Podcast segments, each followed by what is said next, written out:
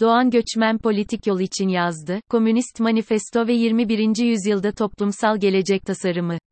En kendine mal edemezsin her üstünlüğü, Tanrı üstünlüğünü kimine savaşta verir, kimine oyunda, çalgı çalmada kimine türkü söylemede, kiminin de göğsüne üstün bir düşünme gücü koyar, çok adam yararlanır ondan, bu güçle kurtarır birçok insanı, en çok da kendi bilir değerini bunun. Homeros son çeyrek yüzyılda hemen her konuda yığınla manifesto yayımlandı.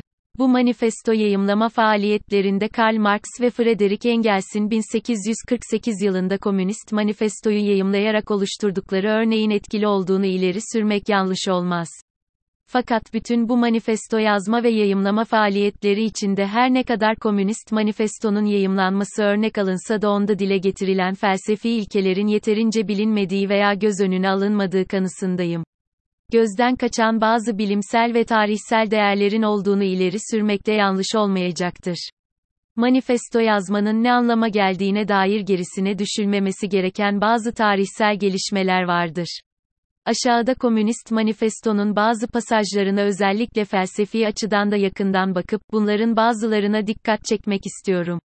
Manifestolar büyük düşünsel ve pratik girişimlerin ve tarihsel atılımların olmazsa olmaz önkoşullarındandır.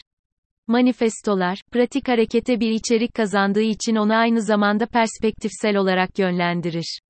Manifestolar teori ile pratiğin buluştuğu noktada dolayımı sağladığı için pratik harekete bir kavram da verir.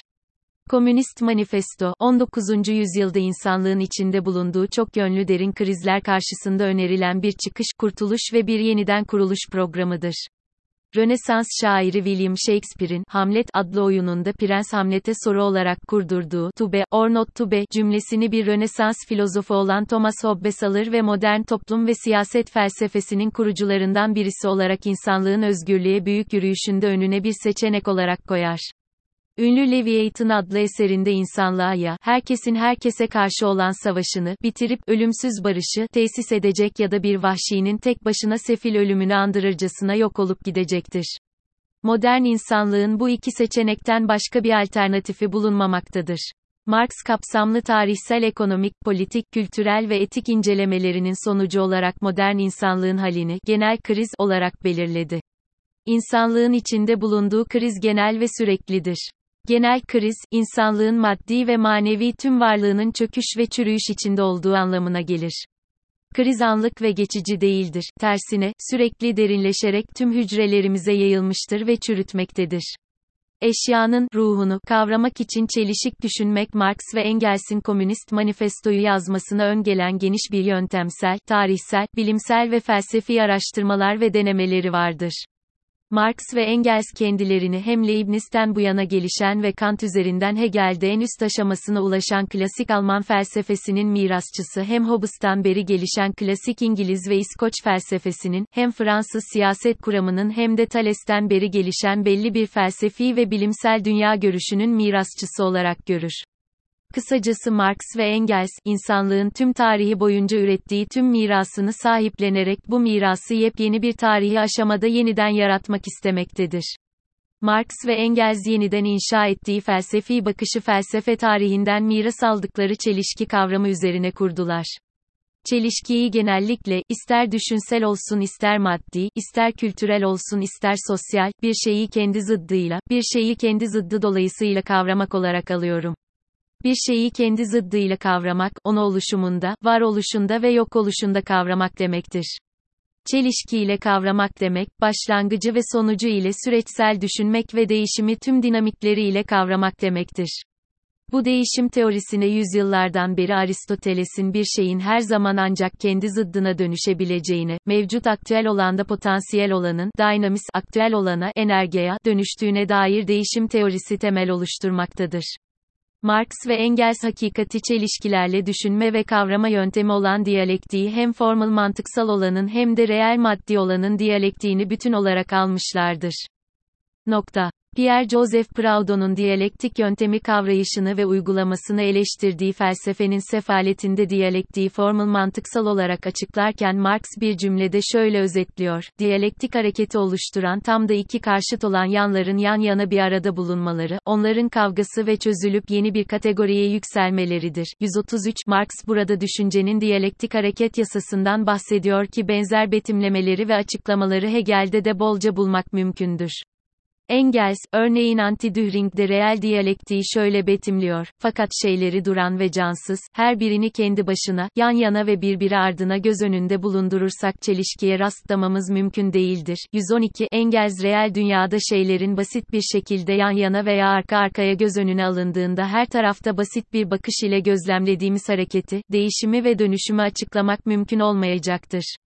Engels, yan yana, arka arkaya, cansız ve statik kavrama çabası yerine şeylere ve ilişkilerine bir de şöyle bakalım diyor. Fakat şeyleri kendi hareketinde, kendi değişiminde, yaşamlarında, onları birbiriyle olan karşılıklı etkileşimlerinde incelersek tamamıyla farklıdır. Bu durumda hemen çelişkilerin içine gömülürüz. Hareketin kendisi çelişkidir, hem de hali hazırda basit mekanik yer değişimi, bir cismin bir ve aynı zaman anında bir yerde ve aynı zamanda başka bir yerde, bir ve aynı yerde ve aynı yerde olmamakla gerçekleşebilir. Ve hareket tam da bu çelişkinin daima sürekli konması ve aynı zamanda çözülmesidir. 112 Engels'in burada çelişkilerin içine gömülürüz derken bunu olumlu anlamda aldığını belirtmeye gerek dahi yoktur sanırım. Çelişkilerle düşünmek, çelişkiyi düşünmek, çelişik düşünmek pekala rasyonel düşünmedir, akıl dışı değildir. Yaygın olan ve sıkça akademik felsefede de taraftar bulabilen, ya ya da gibi ikilemci düşünme günlük anlayışa dayalı düşünmedir. Çelişki eşyanın kendisine içkin olduğu için onun ancak çelişkiyi düşünebilen düşünce tarafından kavranması mümkün olabilecektir. Bu nedenle Engels şimdi alıntıladığım yerde şöyle devam ediyor. Öyleyse burada bir çelişki, şeylerin ve süreçlerin kendisinde nesnel olarak bulunmaktadır ve tabiri caizse canlı olarak karşılaşılmaktadır. 112 İşte Komünist Manifesto bağlamında verimli kılınan bu çelişki teorisi ve hareket kuramı, hareketin ve değişimin içkinlik öğretisi ve ilerleme kuramıdır. Bütün bunların hepsini Leibniz'ten beri gelişen ve yine Hegelci felsefede en olgun şeklini alan tarih felsefesinde bütünlüklü olarak bir araya getirilmiştir. Marx ve Engels bu bütünlüklü kuramı, kendi diyalektik materyalist anlayışlarına göre tarih felsefesine yeniden uyarlamışlardır. Fakat aynı zamanda tarihte yazılmış belli başlı programların yöntemsel ve temel aldıkları kuramsal çerçevede onlar tarafından derinlemesine incelenmiştir. Ancak bundan sonradır ki Komünist Manifesto yazılabilmiştir. Komünist Manifesto'da ne yapılmak isteniyor? Marx ve Engels, Komünist Manifesto'yu uzun yıllar yoğun bir şekilde çalışarak hazırlamıştır. Sanki epik bir şiir gibi güçlü bir retorik ile yazılmıştır. Bu şiirsel retorik güç, eser başka dillere çevrildiğinde hem diller arası ilişkinin zorluğundan hem de çevirenlerin manifestonun retorik yapısından sıkça haberdar olmamasından dolayı kaybolabilmektedir. İnsanlığın içinde bulunduğu çok yönlü derin krizler karşısında önerilen bir krizlerden çıkış, radikal bir kurtuluş ve bir yeniden kuruluş programıdır Komünist Manifesto. Marx ve Engels, Komünist Manifestoyu Avrupa'da bir hayalet dolaşıyor komünizm hayaleti, sözleriyle başlatmalarının nedenlerinden birisi, insanlığın çok yönlü ve derin bir kriz içinde bulunduğuna işaret etmek istemeleridir. Krizden çıkış ve kurtuluş programı olduğu için merkezinde hareket kavramı vardır. Mevcut olanın kökeni, şimdiki hali ve değişim potansiyeli ve geleceği yine mevcut olan temel alınarak bir tarihsel hareket olarak açıklanır. 19. yüzyılın ortalarında komünizm hemen herkes tarafından mümkün bir kurtuluş yolu olarak algılanan bir gelecek perspektifidir. Platon'un devlet yöneticileri için öngördüğü mülkiyet ortaklığı, artık genel toplumsal düzenin temeli olarak düşünülmektedir. Bu, Thomas More'un Ütopyası ve Charles Fourier, Robert Owen, Saint Simon gibi birçok çağdaş ütopyacının eseri ve ütopya kurucu girişimleriyle çekiciliği giderek artan bir düşüncedir. Fakat henüz kimsenin tam olarak kavramına sahip olmadığı bir şeydir komünizm. Nokta. Max Stirner'in Biricik ve Mülkiyeti 1842 ve Proudhon'un Ekonomik Sistemin Çelişkileri 1846 adlı eserlerinde komünistlere ilişkin birçok iddia ileri sürmesiyle zaten var olan kavram kargaşası iyice içinden çıkılmaz olmuştu. Bu nedenle, Marx ve Engels'e göre komünizmin hayalet olmaktan çıkıp kavrama kavuşması gerekmektedir. Manifestonun öncelikli amaçlarından birisi de budur. Avrupa'da bir hayalet dolaşıyor komünizm hayaleti, sözleri başka bir gerçeğe daha işaret ediyor. Komünizm hayaletine karşı eski Avrupa'nın tüm gerici ve sözüm ona radikal güçleri birleşmiş ve tam bir komünist avı başlatmıştır. Hükümet ve muhalefet, ilerici ve gerici partiler, kısacası hemen herkes herkesi komünist olmakla suçlamaktadır. Hayalet korku verici bir tahayyüldür. Buna karşın herkesin herkesi komünistlikle suçluyor olması, aslında komünistlerin toplumsal ve siyasi bir güç olduğunu da göstermektedir. Fakat bu güç henüz belirsizdir, henüz tanımlanmamıştır, dolayısıyla bu bakımdan da henüz bir kavrama sahip değildir. Herkes ona istediği anlamı yüklemektedir. Bu nedenle komünizm herkesin aklında ve ağzında bir hayalete dönüşmüştür. Bu ise komünizmin aynı zamanda bir mite dönüştüğünü gösterir. Komünist Manifesto ile Marx ve Engels, komünizm hayaleti masalına karşı, komünizmin gerçek kavramını koymak isterler, komünistlerin bakış açılarını, amaçlarını, eğilimlerini tüm dünyanın önünde ortaya koymalarının ve komünizm hayaleti efsanesine, masalına karşı bir parti manifestosunun kendisini koymanın zamanı çoktan gelmiştir. 461, Marx ve Engels'in Komünist Manifesto'nun hemen girişinde, efsane ya da masal kavramını kullanmış olmaları çok anlamlıdır masala ya da efsaneye karşı gerçek kavramı koymak istemek, yani sadece fantezi ürünü şeylerden ibaret olan ve çarpık bilinci temsil eden efsaneye karşı komünizmin gerçek bilimsel tanımı sunulmak istenmektedir.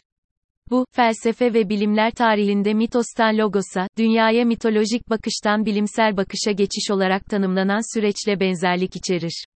Komünist Manifesto'nun ikinci bölümünün başlarında bilimsellikten kastedilenin ne olduğu daha yakından tanımlanır. Program yazma tarihinde örneğin Platon'un devletinden, İncil'den, George Büchner'in Der Hessische Landbot, N'dan, hatta Engels'in komünizmin ilkelerinden sonra yeni bir dönem başlatmıştır. Tarihte insanlığın derin krizler içinde bulunduğuna dair tespitler ve bunlardan hareketle önerilen krizden çıkış programları nadir değildir. Marx ve Engels'in bu konuda önlerinde Komünist Manifesto'nun yazımına ön örnek olarak Platon'un Devlet Diyaloğu, İncil ve On Emir Kataloğu, Thomas More'un Ütopyası, George Büchner'in Hessen Köylü Postası, Wilhelm Weitling'in Das Evangelium'u ve sayısız başkaları vardır. Doğrudan Komünist Manifesto'nun hazırlığı döneminde birçok öneri vardır. Buna Engels'in bizzat kendisinin hazırladığı komünizmin temel ilkeleri de dahildir. Bu program taslaklarının hemen hepsi ilmihalcidir. Katekizm, yani, şu yapılmamalıdır, bu yapılmamalıdır, şu yapılmalıdır, bu yapılmalıdır, türünden genel çağrılarda bulunur, buyrukça ödevler yüklerler harekete. Bu, olanı, kökeni ve temel çelişki ve değişim potansiyelleriyle ortaya koymak yerine olması gerekeni betimleyen yaklaşımlar Machiavelli'nin, son olarak Hobbes ve Spinoza'nın eleştirileriyle tüm bilimsel güvenirliliğini ve geçerliliğini yitirmiştir. En son Hegel, hukuk felsefesinde olanı değil de olması gerekeni betimleyen tüm yaklaşımların zorunlu olarak öznel kaldığını, dolayısıyla genel geçer olup, bilimsellik kıstasını yerine getiremediğini göstermiştir. Marx ve Engels, Komünist Manifestoyu kaleme alırken bütün bu bilimsel gelişmenin tüm mirasını dikkate almaktadır. O halde, Komünist Manifesto'da amaç, şunu yapın ya da bunu yapmayın diye bir takım emirler vermek ya da çağrılarda bulunmak değildir. Amaç, olanı, kapitalizmi, kökeni, mevcut çelişkili ve çatışmalı yapısını ve içinde barındırdığı potansiyel geleceği toplumsal taşıyıcı güçleri ve tarihsel işlevleriyle ile birlikte bir hareket olarak ortaya koymaktır. Marx ve Engels, Alman ideolojisinde bir hareket olarak tanımladıkları komünizm kavramına Komünist Manifesto'da bir ön açılık getirmek ve kavramı belirlemek istemektedirler. Bunun tam açıklaması Das Kapital'de yapılacaktır. Nokta. Marx, Das Kapital'in 3. cildinde döner sermaye ile sabit sermaye arasındaki oranın belirlenmesi ile elde edilen kar oranının profit rate sürekli düşme eğiliminde olduğunu göstererek kapitalizmin bundan dolayı çökmek zorunda olduğunu göstermesiyle bu konuda gerekli kanıtı getirmiştir. Kapitalizm iddia edildiği gibi ebedi bir toplum biçimi değildir. Komünizmin ilkelerinin gerçek dünyanın kendisinden hareketle nasıl kazanılması gerektiği konusunda manifestoda şöyle derler, komünistlerin teorik önermeleri, hiçbir şekilde bu veya şu dünya iyileştiricisinin keşfettiği idelerine, ilkelerine dayanmaz. Onlar, var olan bir sınıf mücadelesi ilişkilerinin gerçek gözlerimiz önünde cereyan eden tarihsel bir hareketin genel ifadesidir. 475 Burada komünizm, bir ilke ya da ilkeler bütünü olarak değil de Rönesans'tan beri yeni çağın yeniden ortaya çıkardığı yöntemsel ilkeye uygun bir şekilde bir hareket olarak betimlenir. Nasıl ki kapitalizm feodalizmin bağrında onun yatsıması olarak oluşup geliştiyse, kapitalizm de kendi bağrında kendini yatsıyacak koşulları ve güçleri yaratmaktadır. Burjuvazinin feodalizmi yere çarpmak için kullandığı silahlar şimdi kendisine dönmüştür. O halde, Marx ve Engels burada en az iki iddia ileri sürmüş oluyorlar. Onlar, birincisi, efsanenin karşısına kavramı koymak istemekle program yazımı tarihinde de mitostan logosa geçişi gerçekleştirmek istediklerini ileri sürmüş oluyorlar. Bu geçişin sağlanabilmesi için, programatik ilkelerin, çelişkilerden ve kavgalardan yani bizzat gerçekliğin kendisinden kavramlaştırılarak kazanılması gerekmektedir. Ancak bu şekilde programlar gerçekliğin ifadesi ya da dışa vurumu ve yansıması olarak görülebilir. İkincisi, Marx ve Engels yapmış oldukları belirlemeyle ilkelerin, idelerin ve önermelerin gerçeklikle nasıl ilişkilendirilmesi gerektiği sorusuna, yani felsefenin en temel sorusuna yanıt vermiş oluyorlar, bilinç gerçekliğin ya da varlığın düşüncede yansımasıdır.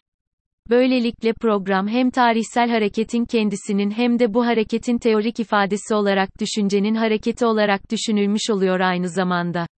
Bu nedenle Komünist Manifesto hem maddi hem de manevi krizin tümüne karşı aynı anda önerilmiş toplu bir krizden çıkış ve kurtuluş programıdır.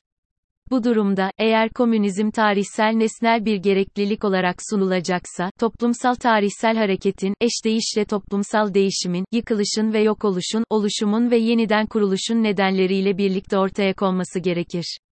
Bu konuda Komünist Manifesto'da ortaya konan iddiaların kanıtı Das Kapital'de getirilir.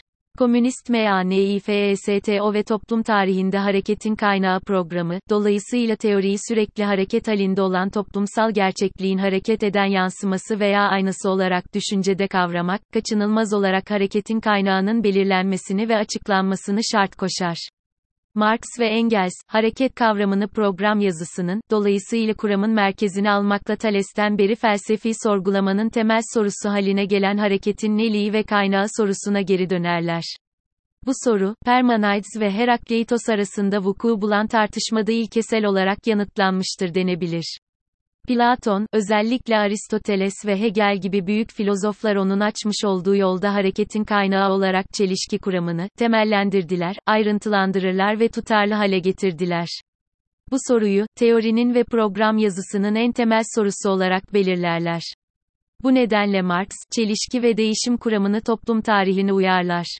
Engels, Komünist Manifesto'nun ikisinin ortak eseri olmasına karşın toplum tarihinde değişim ve ilerleme kuramının ortaya konmasını Marx'a borçlu olduğumuzu belirtir. Engels, Marx'ın 1845 yılından beri bilinçli olarak geliştirmeye başladığı bu teorinin anlamını ve önemini 1888 yılında Komünist Manifesto'nun İngilizce baskısına yazdığı ön sözde, Darwin'in evrim kuramının anlamı ve önemi ile karşılaştırır. Darwin'in kuramı doğa bilimleri için ne anlama geliyorsa, Marx'ın toplum tarihinde hareketin kaynağına dair düşüncesi de, tarih bilimleri, tüm beşeri bilimler için aynı anlama gelmektedir ki bu temel düşünce Komünist Manifesto'da her şeyin etrafında örüldüğü çekim merkezi gibidir. 581, her ne kadar, manifesto, ikimizin ortak emeği olsa da, onun çekirdeğini oluşturan temel düşüncenin Marx'a ait olduğunu belirtmeyi görev bilirim. Nokta. Bu düşünce şudur, her tarihsel dönemde hakim olan ekonomik üretim ve bölüşüm biçimi ve onu takiben zorunlu olarak oluşan toplumsal yapılanma temeli oluşturur. Bunun üzerine dönemin politik ve entelektüel tarihi kurulur ve o ancak bundan hareketle açıklanabilir. Buna göre bütün insanlık tarihi, toprağın ortak mülkiyetine dayalı ilkel klan örgütlenmesinin ortadan kalkmasından beri, sınıf mücadeleleri tarihi olmuştur. Sömürenler ve sömürülenler, hakim olan ve bastırılan sınıfların mücadelesidir. Bu tarih, bir gelişim sırası ortaya koymaktadır. 581 Burada ifade edilen düşünce, insanlık tarihinin yine insanlığın kendisi tarafından nasıl yaratıldığını gösteriyor yani insanlık, emeğiyle kendi kendisini ve böylelikle de kendi tarihini yaratıyor. Burada başvurulan ilke, hareketin yani değişimin kaynağına dair içkinlik ilkesidir. İçkinlik ilkesi, teolojik aşkınlık ilkesine karşı yeni çağda kazanılmış bir ilkedir. Bu bağlamda aşkınlık ilkesine başvuranlar genellikle sonu karamsarlığa varan teolojik duruşlara sarılmak zorunda kalırlar. Bu ilkenin tarih felsefesine uyarlanmasının ilk nüvelerini Leibniz'in monadolojisinde buluruz ki hali hazırda Aristoteles Platon karşısında hareketin kaynağının pekala içkin olduğunun da düşünebileceğini ileri sürmüştür. Leibniz'e göre şimdiki zaman geleceğe gebedir. Gelecek potansiyel olarak şimdiki zamanın içindedir. Gelecek şimdiki zamanın yatsıması olarak onun içinden çıkarak şimdiki zaman olmaktadır. Başka bir deyişle geçmiş şimdiki içinde muhafaza edilmiştir ve gelecek şimdiki zamanın içinde oluşup, şimdiki zamanın bir yatsıması olarak ortaya çıkıyor. Geçmiş zaman, şimdiki zaman ve gelecek zaman arasındaki diyalektik, bilimsel açıdan bu şekilde kurulur. Şimdiki zaman, geçmiş zaman ve gelecek zaman üzerinde hakim olandır. Fakat bu kapitalizmde tersine döner. Kapitalizmde ölü emek, örneğin makineler, canlı emeğe yani işçiye hükmettiği gibi geçmişte geleceğe hükmetmektedir. Ölülerin, ruhları, yaşayanların tüm hayatına hükmeder gibidir. O halde, en azından ana hatlarıyla geleceğin ne olduğunu bilebilmek için bugüne bakmak gerekir, daha tam olarak, bugünün çelişkili yapısına, güçler şekillenişine ve bunun içinde hangi güçlerin nesnel konumları gereği özne olarak bugünü değiştirmeye aday olduğuna bakmak gerekir. Peki, insanın tarih denilen bir şeye yine olmasının ön koşulu nedir? İnsanlığın kendi tarihini yaratabilmesinin ön koşulu elbette gereksinimlerini gidermesi için üretmesidir. Yani insanın kendi tarihini yaratabilmesinin ön koşulu emeğiyle doğayı kendi gereksinimlerine göre dönüştürmesidir. Marx Das Kapital'in birinci cildinde bunu insanın doğa ile arasındaki madde alışverişini örgütlemesi olarak tanımlıyor. O halde, Theodor Adorno ve Max Horkheimer 1956 yılında gerçekleştirdikleri bir diyalogda tersini iddia etseler de yani emeğin merkeze alınmasını eleştirseler de, doğa ve emek kavramlarını yani üretim kavramını merkeze almayan bir tarih felsefesi, eşdeğişli hareketin felsefi olarak temellendirilmesi mümkün değildir. Aynı şekilde, eğer insanlar, diğer birçok canlı gibi doğada basit bir şekilde kendiliğinden bir arada olmak yerine, ortak varlıklarını bilinçli bir şekilde toplum olarak kurmak istiyorlarsa, emekleri aracılığıyla doğayı dönüştürüp kendilerine has bir kültür ve uygarlık yaratmak zorundadırlar. Bu durumda doğa ve emek kavramlarını merkeze almayan bir toplum felsefesi de mümkün değildir. İnsanlık tarihinde hareketin ve ilerlemenin kaynağı nedir? Marx ve Engels bize bu konuda üzerine düşünmeye değer birbiriyle ilişkili iki büyük nedeni işaret eder. Bunlardan ilki, üretim araçlarının belli bir gelişmişlik düzeyine ulaşmasıyla üretim ilişkileriyle çelişir duruma gelmesidir. Bu çelişki toplumda üretim ilişkilerinde nesnel değişimleri ve yeniden kuruluşları şart koşar. Marx ve Engels'in toplumsal değişimlere neden olarak gösterdiği ikinci toplumsal yapısal durum, toplumsal çıkar çatışmalarını da içeren sınıf mücadeleleridir. Marx ve Engels'in sınıf mücadelelerine dair belirlemesi sıkça tam olarak anlaşılmadan alıntılanır. Fakat burada işaret etmiş olduğum toplumsal değişimin kaynağı olan iki farklı neden arasında mantıksal bir ilişki ve düzen vardır. Üretim araçları ile üretim ilişkileri arasındaki çelişki, genel toplumsal değişimin toplumsal ontolojik ve sosyolojik ilişkilerine gönderme yaparken, toplumsal sınıf mücadeleleri daha çok sınıfsal ontolojik ve sosyolojik ilişkilere, ekonomik çıkarları da içeren sınıf mücadelelerine gönderme yapar.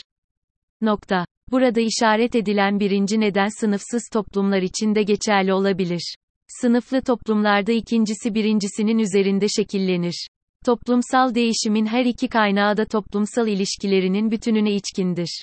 Marx ve Engels toplumsal değişimin bu iki temel kaynağını işaret etmekle aslında bir yerde toplumun ve toplumsal güçlerin kendi kendisini herhangi bir aşkın güce gönderme yapmadan nasıl değiştirdiğini gösterir. Böylelikle toplum tarihinde değişimin topluma ve tarihe içkin olduğu kanıtlanmış olur. Bu aynı zamanda programın da bilimsel olabileceğinin kanıtıdır. 21. yüzyılda komünist MANİFESTO toplumun, tarihin, kültürün ve uygarlığın oluşmasının ön koşulu emektir. Emek kavramını merkeze almadan ne toplum üzerine ne tarih üzerine ne uygarlık ve kültür üzerine anlamlı bir şekilde düşünmek mümkündür. Dolayısıyla emek kavramını merkeze almadan adına layık bir manifesto yazmak da mümkün değildir. Emek insanların ve toplumların çok farklı etkinliklerini bir araya getiren ve onlar arasında bütünlüklü birlik sağlayan bir etkinliktir. Emek aynı zamanda insanın tüm bedensel ve düşünsel etkinliklerinin merkezinde olan bir etkinliktir. Diğer bir deyişle emek, gerek bireysel gerekse toplumsal yaşama anlam kazandıran, ortak iyidir denebilir. Bu nedenle emek kavramını merkeze alan kuram ve program dolayısıyla politika, mevcut toplumun üretimden kaynaklanan yapısal şekillenişini, çıkar ilişkilerini, çelişkilerini ve çatışmalarını, tarihini ve potansiyel geleceğini aynı anda yakalama olanağına kavuşur. Mevcut topluma dair çözümlemeler yaparken Marx ve Engels, Komünist Manifesto'da emek kavramını merkeze alır. Böylelikle bir program çerçevesinde dikkat alınmak zorunda olunan tüm farklı etkinlikler arasında bütünleştirici bir ilişki kurulur. Burada başvurulan felsefi ilke çoklukta birlik ilkesidir. Tüm etkinliklere, belli bir ortak hedefe yönlendirmesi nedeniyle belli bir anlam kazandıran emektir. Eş deyişle emek kavramı modern praksis kavramının merkezindedir. O halde, emek kavramının toplumun sergilemiş olduğu sayısız farklı etkinlikleri birleştirici işlevi vardır. Böylelikle emek tüm farklı etkinliklere, praksise birleştirici ve bütünlüklü bir içerik ve anlam kazandırır. Yazının girişinde son çeyrek yüzyılda yeni bir program yazma dalgası gözlendiğine işaret etmiştim. Bunların çoğu Komünist Manifesto'nun yayınlanışını örnek alsa da, onunla kurdukları bu ilişki daha çok dışsaldır. Gözlenen daha çok Komünist Manifesto'da temel alınan ilkelerden kaçıştır. Bu en başta emek kavramını ilgilendirmektedir. Bu konuda en etkin örneği Frankfurt Okulu oluşturur. Kendisini Marx'ın öğreti ve kavramlar sisteminin yakınına konuşlandıran ve onun kavramlarını ve düşüncelerini görünüşte üstlenen bir akımdır. Adorno ve Horkheimer'ın ismi, okulun ismiyle özdeştir. İkisi arasında yukarıda işaret ettiğim 1956 yılında yeni bir manifesto yazmak üzere bir tartışma geçer. Bu tartışmanın protokolüne göre, yeni bir manifesto yazımının amacı, Marx'ın ötesine geçmektir. Tartışmanın merkezinde Marx'ın öğretisinde emeğe atfedilen büyük önem vardır. Çabaları yeni bir program çerçevesinde emek kavramından kurtulmaktır. Adorno ve Horkheimer'ın bundan sonra kaleme aldıkları tüm eserleri bu amaca hizmet eder. Horkheimer'e göre, emeği, örneğin Marx'ta olduğu gibi öncelikli olarak insanın doğa ve toplum arasında, madde değişimi, sağlayan bir etkinlik olarak değil, Weber ve Foucault olduğu gibi sadece, insanlar arasında dolayım sağlayan, bir şey olarak görmek gerekir. Emeğin işlevini insanlar arasında dolayımı indirgemekle hem doğa kavramı dışarıda bırakılır hem tarih kavramından vazgeçilmiş olur hem de böylelikle meta ve piyasa ilişkileri bir soru olmaktan çıkarılmış olur. Doğayı dışarıda bırakıp meta ilişkilerini ebedileştiren yaklaşım böylelikle ontolojiden de vazgeçer. Sınıf teorisinden de vazgeçmek anlamına gelen bu yaklaşımın sonucu olarak da bütünlüklü bir teori ve bütünlüklü bir değişim programı ve perspektifi de kaybolur.